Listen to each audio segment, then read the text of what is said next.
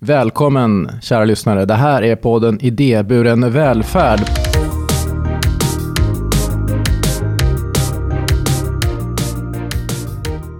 Med Skyddsvärnet och med mig Thomas Tränkner. Skyddsvärnet som har funnits sedan 1910 och tillhör just den här idéburna sektorn. Idag ska vi få möta världens främsta kris och katastroforganisation och eh, en person som heter Martin Ernelöv.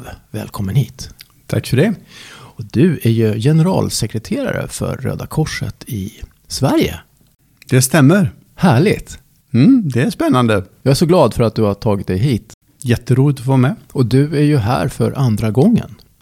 Dessutom är det faktiskt så, det var några år sedan, men det stämmer. Även i den här rollen har jag varit här förut, precis. Ja, och då pratade ni mycket om eh, covid-problematiken och annat.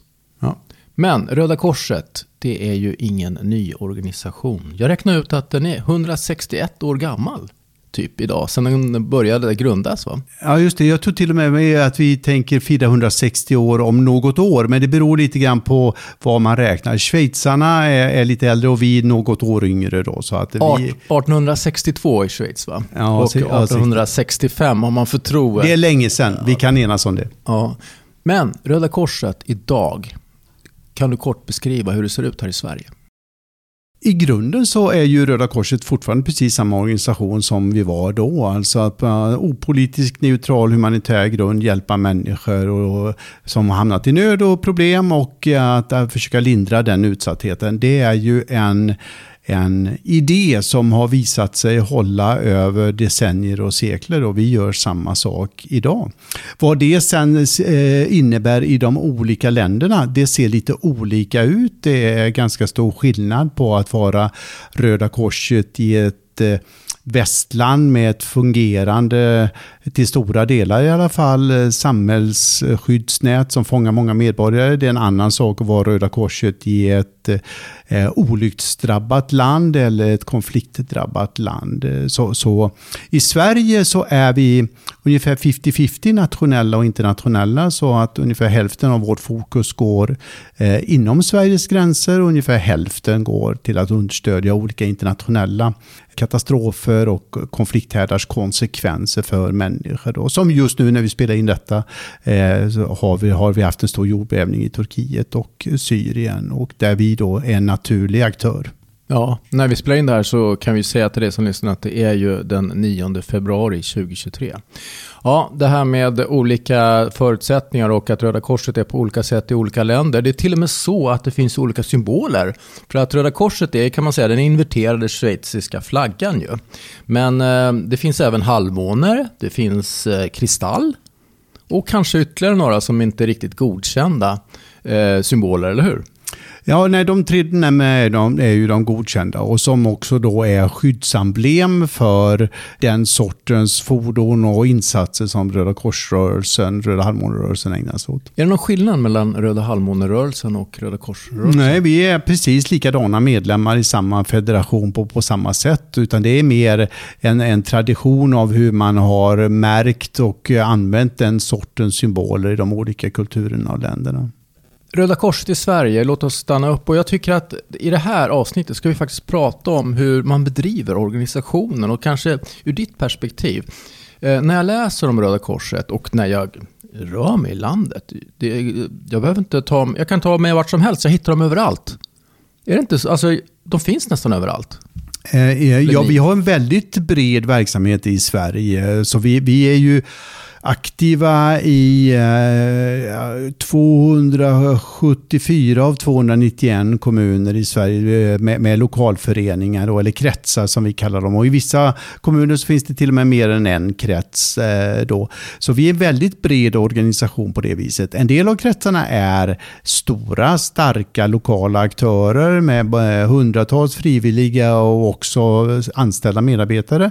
Och en del är lite mindre som kanske driver en second hand-butik butik och en mötesplats några förmiddagar i veckan och gör, gör det i mindre skala. Så att det, det är ett stort spann i det, men vi, vi är breda och det är absolut vår styrka. Mm, och eh, det är, det är ett gäng anställda ett, ett gäng som är någonstans eh, delanställda och sen är det ett väldigt stort gäng som är frivilliga. Ja, precis så är det. Så vi har eh, ungefär eh, 20 000 frivilliga och eh, så är vi eh, eh 400 anställda kan man säga i den centrala strukturen och ungefär 300 anställda sammanlagt i de olika lokalföreningarna. Så det är precis den där balansen då mellan att eh, vi både har människor som jobbar professionellt och, och, gör det på sin arbetstid och vi har ett stort antal människor som jobbar enbart frivilligt och gör det på sin frivilliga tid. Mm. Ja, eh, åter till dig Martin. Du har ju ägnat din karriär åt dels näringslivet men också åt den idéburna sektorn.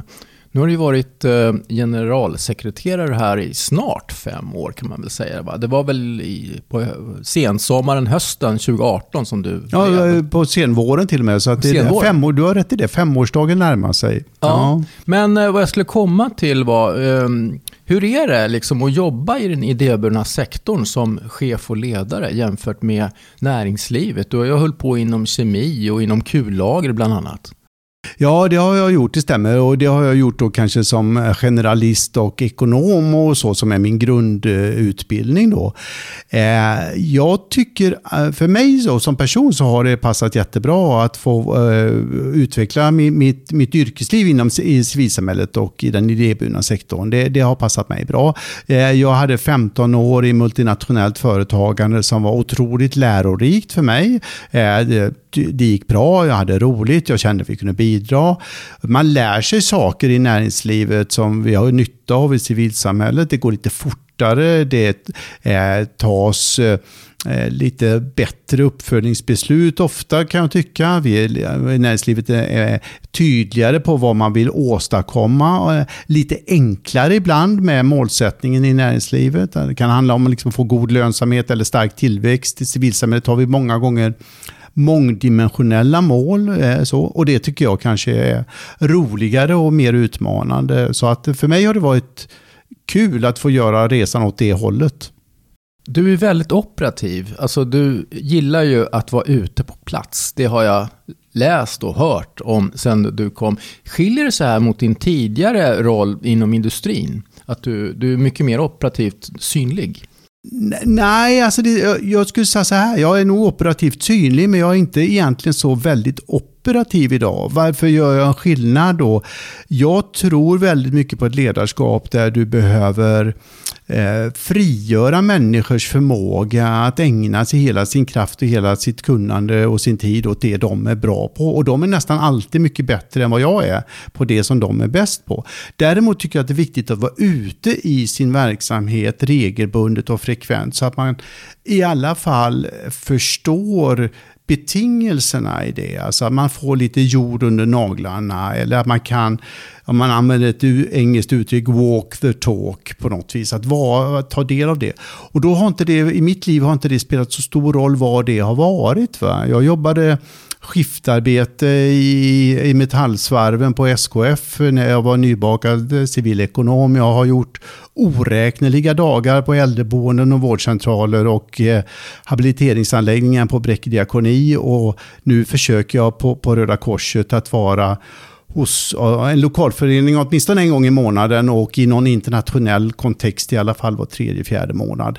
Inte för att operativt styra det, för det är det andra som är bättre på. Men att förstå vad, vad är vår roll här och vad, vad är de strategiska förutsättningarna för att kunna fungera här så bra som möjligt. Mm alla de här människorna som eh, jobbar och som är frivilliga inom eh, Röda Korset, de har ju sin anledning att vara här och drivs av sitt varför och ett kall. Om vi tar det, samma anledning till att folk jobbar ja, på SKF eller på Axo, vad heter Axo Nobel? Axo Nobel, ja. ja mm. Eller inom kemiindustrin, alltså som eh, löntagare.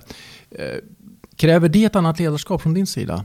I din, i din roll som generalsekreterare på, på, på Röda Korset? Jag tror att utmaningarna blir lite olika. Eh, sen ska man inte generalisera för mycket. Det finns väldigt, väldigt mycket engagerade personer i näringslivet. Inte minst bland entreprenörer i näringslivet så, så har du precis samma typ av, av driv att vilja åstadkomma någonting. Och det är också så att vi förstås Eh, att några av våra medarbetare också eh, går till jobbet för att de behöver ha en månadslön och, och, och sätta mat på bordet hemma för familjen. Absolut är det så. Men generellt sett då så så lockar vi både på frivilligsidan och på den professionella sidan engagerade personer som brinner för det som vi jobbar med. Va? Och det är ju en fantastisk tillgång, alltså att det är på det viset. Det innebär också att vi behöver vara lite extra varsamma kring eh, baksidorna på det. Alltså vad, vad har vi för uthållighet på de insatserna vi gör? Hur ser vi till att människor inte bränner ut sig? Hur hittar vi en gränsdragning för var vi behöver sätta en, en, en parentes kring vad vi kan bidra med som organisation i det här läget. Eftersom det finns alltså bottenlösa behov och bottenlösa förväntningar också på en organisation som Röda Korset, vad vi ska kunna komma in med. Så ledarsituationerna blir lite olika. Men det där är intressant. Vad har du för eh, verktyg för att eh, förhindra att folk går för långt? Att de tar i för mycket, att de inte håller? Att, att, ha en ledarkultur som inser den problematiken och som förmår navigera i de situationerna, det är det absolut viktigaste. Och att medarbetare och ledare delar den bilden och att man gemensamt kan hitta rätt och kalibrera vad, vad vi gör. Alltså vi har att hantera förväntningar på människor och situationer och organisationer, det är en väldigt stor liksom, uppgift i en organisation som Röda Korset. Och många andra civilsamhällesorganisationer också som lever precis i den situationen. Man har eldsjälar, engagerade personer som gärna ger sitt allt och lite till. Eh, och man har ändliga resurser, både mänskliga och ekonomiska resurser. Så den balanspunkten är en viktig del. Mm. Du sa att Röda Korsets eh, verksamhet kan skilja sig ganska mycket mellan olika länder. Om vi tar Sverige och kanske ser på hur det har varit här. Nu är det ju på ett visst sätt idag, men kan du beskriva på något sätt om hur utvecklingen har varit? Vad Röda Korset har varit tidigare mot vad det är idag? Ja, eh, vi försöker nog vara på samma sätt tidigare också, men, men, om man tittar idag till exempel, om man tittar i utvecklingen så har ju många, många av de eh, saker som i det svenska samhället har blivit etablerade har från början kanske gjorts av eh, Röda Korsinsatser och frivilliga eh, på olika sätt. Va? Eh, går du långt tillbaka så, så eh, var saker som folktandvården någonting som inte fanns och då kunde vi ha tandkliniker. Va?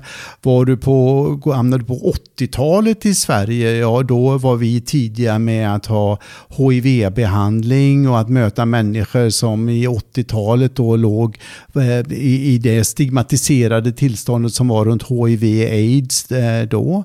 Vi fortsätter fortfarande idag med att jobba med eh, vårdförmedling för personer som inte eh, har alla de papper som man behöver i Sverige men som kanske ändå har diabetes eller kroniska hjärtproblem eller eh, svår ångest eller sådana saker. Så att var vi är i samhällsutvecklingen påverkar förstås vad vi gör och en del av det som då vi gör eh, nu eh, blir sen större saker framöver. Då. Jag tänker på det här också med att Röda Korset har ett, ett väldigt starkt varumärke och en väldigt lång eh, historia, alltså över 160 år, snart 160 år här i Sverige. Eh, hur förhåller man sig till det som generalsekreterare i termer av att vilja förändra eller utveckla i förhållande till att känna vad Röda Korsets grunder handlar om? Jag tror så i början samtalet är att vi, vi, vi förvaltar ju och förnyar och anpassar en, en väldigt god eh, idé och en hållbar eh, grundidé. Och eh, leder man en sån sorts organisation, va, då, då handlar det ju, tycker jag, då, om att, att inse att eh, eh vi som jobbar eh, i organisationen idag, vi tar över en stafettpinne från de som var där nyss och vi ska också lämna över en stafettpinne till de som kommer sen. I ledarsammanhang då, så jag, jag kan ibland tänka på det som Ja, men lite grann som eh, om man tänker en regissör i kultursektorn som tar sig an ett verk som har skrivits tidigare men som ändå behöver iscensättas idag och att det behöver göras med dagens skådespelare och, och, och, och de som har sina egna idéer kring vad det här talar till dem i det här sammanhanget. Och jag vill inte bli övermetaforisk runt det, men liksom att, att hitta den uttolkningen av vad det innebär att vara Röda Korset i det svenska samhället idag och med de personerna som vi har idag och de som vi behöver ha imorgon. Det är lite grann av den, en sån sorts ledarskap som jag tror vi behöver ha. Mm. Om vi går till ditt jobb och din dag, kan man beskriva en typisk dag som generalsekreterare på Röda Korset i Sverige? Ja, men jag, jag pratar ju jättemycket med människor då och eh, kanske hälften av tiden med människor utanför organisationen, skulle jag säga då, antingen internationellt eller i det svenska samhället och kanske hälften av tiden med våra medarbetare och frivilliga internt hos oss jag försöker att, som jag sa förut, också vara ute i alla fall ett gäng arbetsdagar varje månad. Så jag är, det är sällan jag är i Stockholm där, vi, där jag oftast har min bas. Då. Jag är sällan i Stockholm eh, alla dagar på, under en vecka. Det, det, det, är sällan så. Så mycket rörlig, mycket ute och försöker prata med, med människor både utanför organisationen och i organisationen. Vara en, någon slags brobyggare och kontaktpunkt och, och facilitator av, av, av kontakter mellan delar i samhället. Hur har du själv blivit påverkad av ditt eh, jobb här nu, snart efter fem år som generalsekreterare? Jag tänker på när du kom från Bräcke diakoni och var ansvarig för den ganska stora verksamheten till att komma in till Röda Korsets eh, verksamhet och, och, och verkat här och varit chef för den snart fem år. Det, hur, på vilket sätt har det påverkat dig? Som alla som är nya på jobbet så har det ju varit en ganska stark kunskapstillväxt. I mitt fall vågar jag nog säga framförallt kring det internationella arbetet. Hur funkar ett sånt, eh, en sån mosaik av Röda korsföreningar och med så olika förutsättningar? Hur funkar vår globala samverkan? Hur ser den delen ut? Det var ju någonting jag inte hade med mig från innan utan som jag behövde lära mig. Jag behöver också lära mig några av de myndighetsrelationerna som Röda Korset behöver ha i Sverige, alltså krisbitar pengar och biståndsfrågor och sådär. Eh, även om det i sig inte är så olikt andra sektorer i samhället. Vi har ett sätt att tänka i Sverige som är sig likt. Politiken är ju, är ju lik också. Jag får en enorm eh, energipåfyllnad hela tiden i, i, i, det vi gör. Alltså det är djupt meningsfullt att kunna få ägna så mycket tid och, och så mycket energi åt att jobba just med våra frågor. Det, det är en förmån och en ynnest och, och väldigt, väldigt, väldigt eh, meningsfullt helt enkelt. Men om man hela tiden, varenda dag jobbar med kris och katastrof, kan det inte bli för mycket av det så att även du eh, får en... Eh, det rinner över?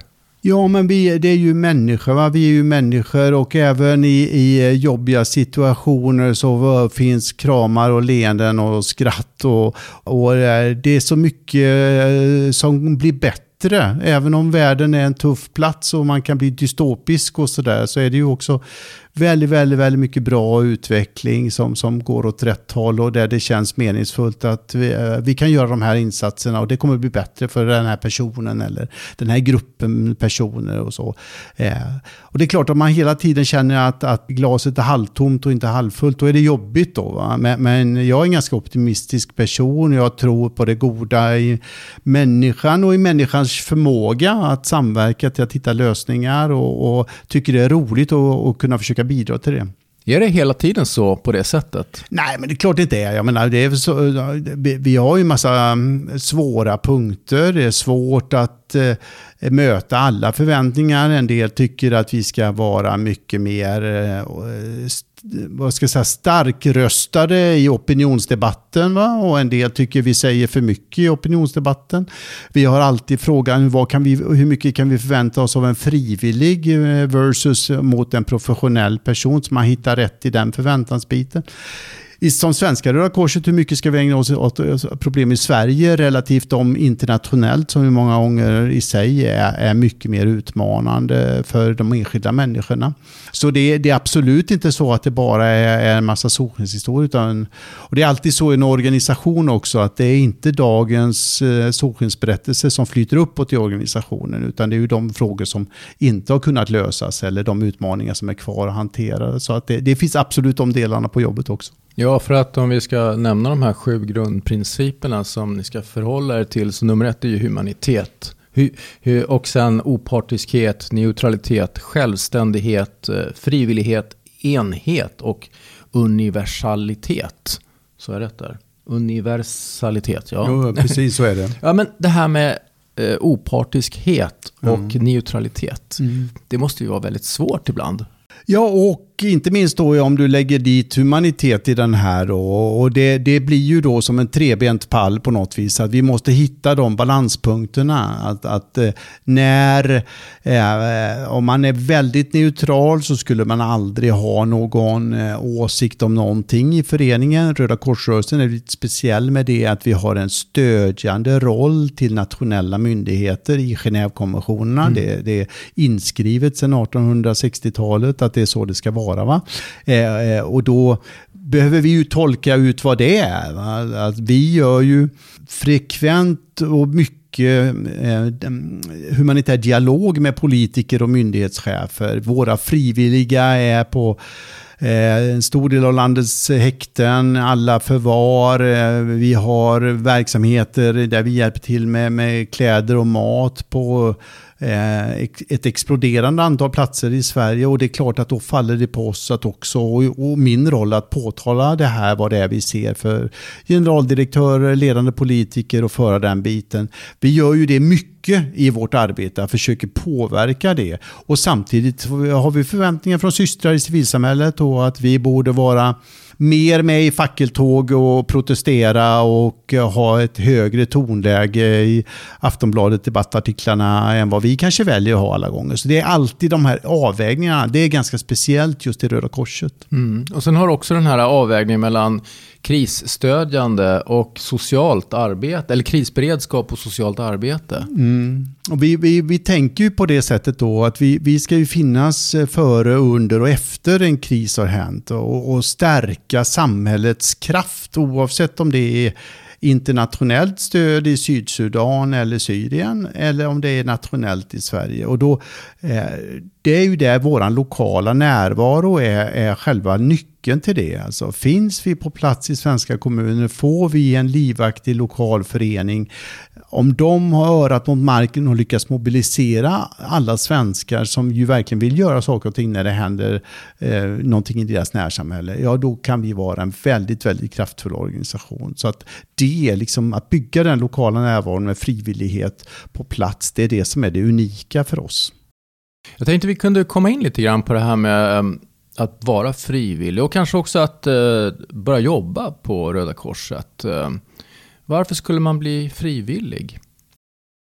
Jag tycker man ska vara frivillig hos oss eller hos någon annan organisation om man känner att eh, jag vill eh, göra någonting för medmänniskor och jag har resurser och tid och kraft att göra det. Och en del känner man har pengar men inte så mycket tid och då kan man också ge frivilligt av sina pengar då och, låta dem användas. Och sen är det mycket vi som organisationer, vi ska ju också kunna möjliggöra att vara det. Alltså att en del frivilliguppdrag är ganska enkla.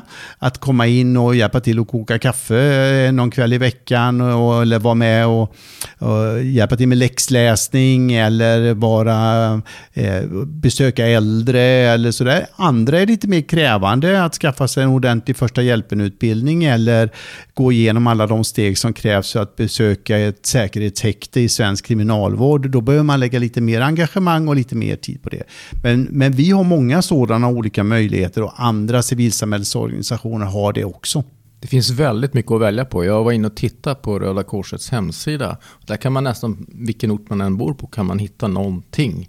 Ja, så är det. Och, eh, och, vi har gott om eh, möjligheter att engagera sig. Och också om man har en idé och vill engagera sig för något humanitärt, då ska man också kunna närma sig sin lokala Röda Korsförening och eh, diskutera det med dem och säga att man vill starta upp den här sortens verksamhet. Och där tycker jag att vi ska ha en positiv och öppen attityd. Så. Och det är också någonting vi strategiskt säger att det där behöver vi också bli bättre på i, i Röda Korset.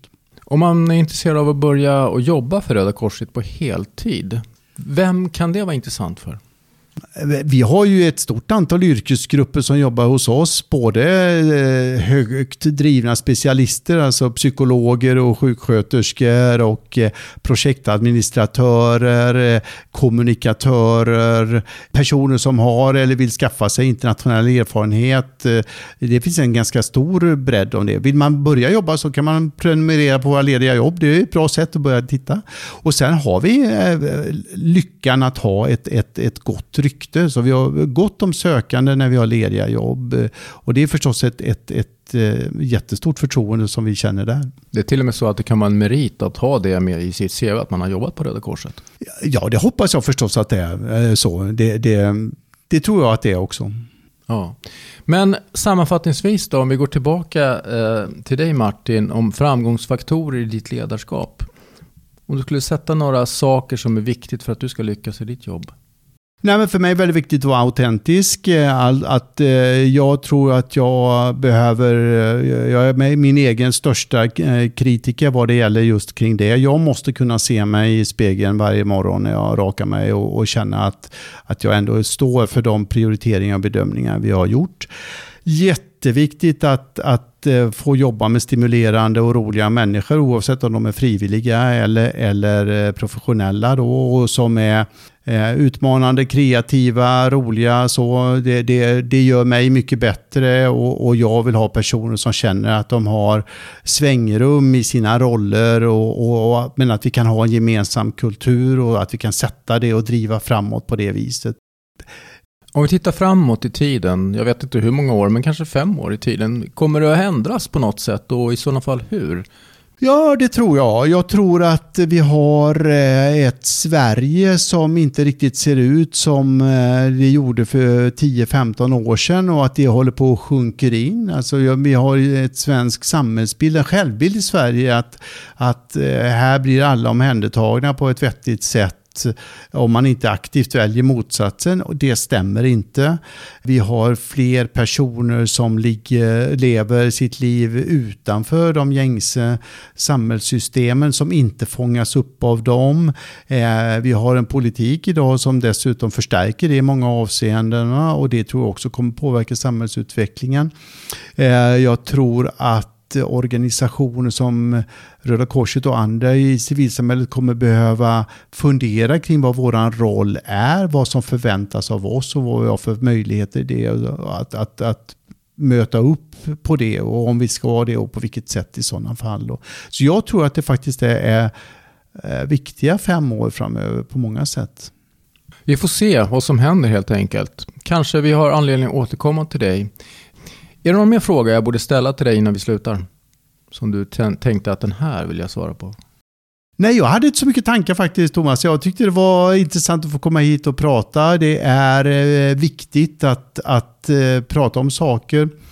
Kanske, kanske någonting generellt då på slutet om, om eh, civilsamhället som helhet då tror jag. Det har också varit... Eh, eh jag sa någonting här om att jag tror att vi behöver fundera över vår roll, men jag tror också att, att vi i civilsamhället behöver vara lite självkritiska kring hur, hur duktiga är vi på att utveckla vårt eget entreprenörskap, alltså att vara drivna entreprenörer. Där är många gånger näringslivet vassare än vad vi är. Eh, jag tror att vi behöver bli, bli bättre på att eh, konsolidera våran kraft. Vi har en benägenhet att pinka revir mellan civilsamhällesorganisationer som jag inte tror gynnar Sverige och inte våran utveckling. Det är också dimensioner som jag tror är viktiga. Och att eh, om man är en civilsamhällesorganisation, då, oavsett om det är Röda Korset eller någon annan, att man investerar i sin idé. Alltså precis som i en kärleksrelation så, så är inte det någonting statiskt. Du måste investera i det och du måste också om du är en idéburen organisation lägga extra mycket omtanke kring idén och rollen så att den kan leva med i tiden. Tack så hemskt mycket Martin för att du tog dig hit till Tack studion eh, här på Hornsgatan hos Skyddsvärnet. Och lycka till! Tack! Och eh, till dig som lyssnar, tack för att du hänger med på den här podden. Prenumerera på den om du inte redan gör det. Vi hörs snart igen. Hej då!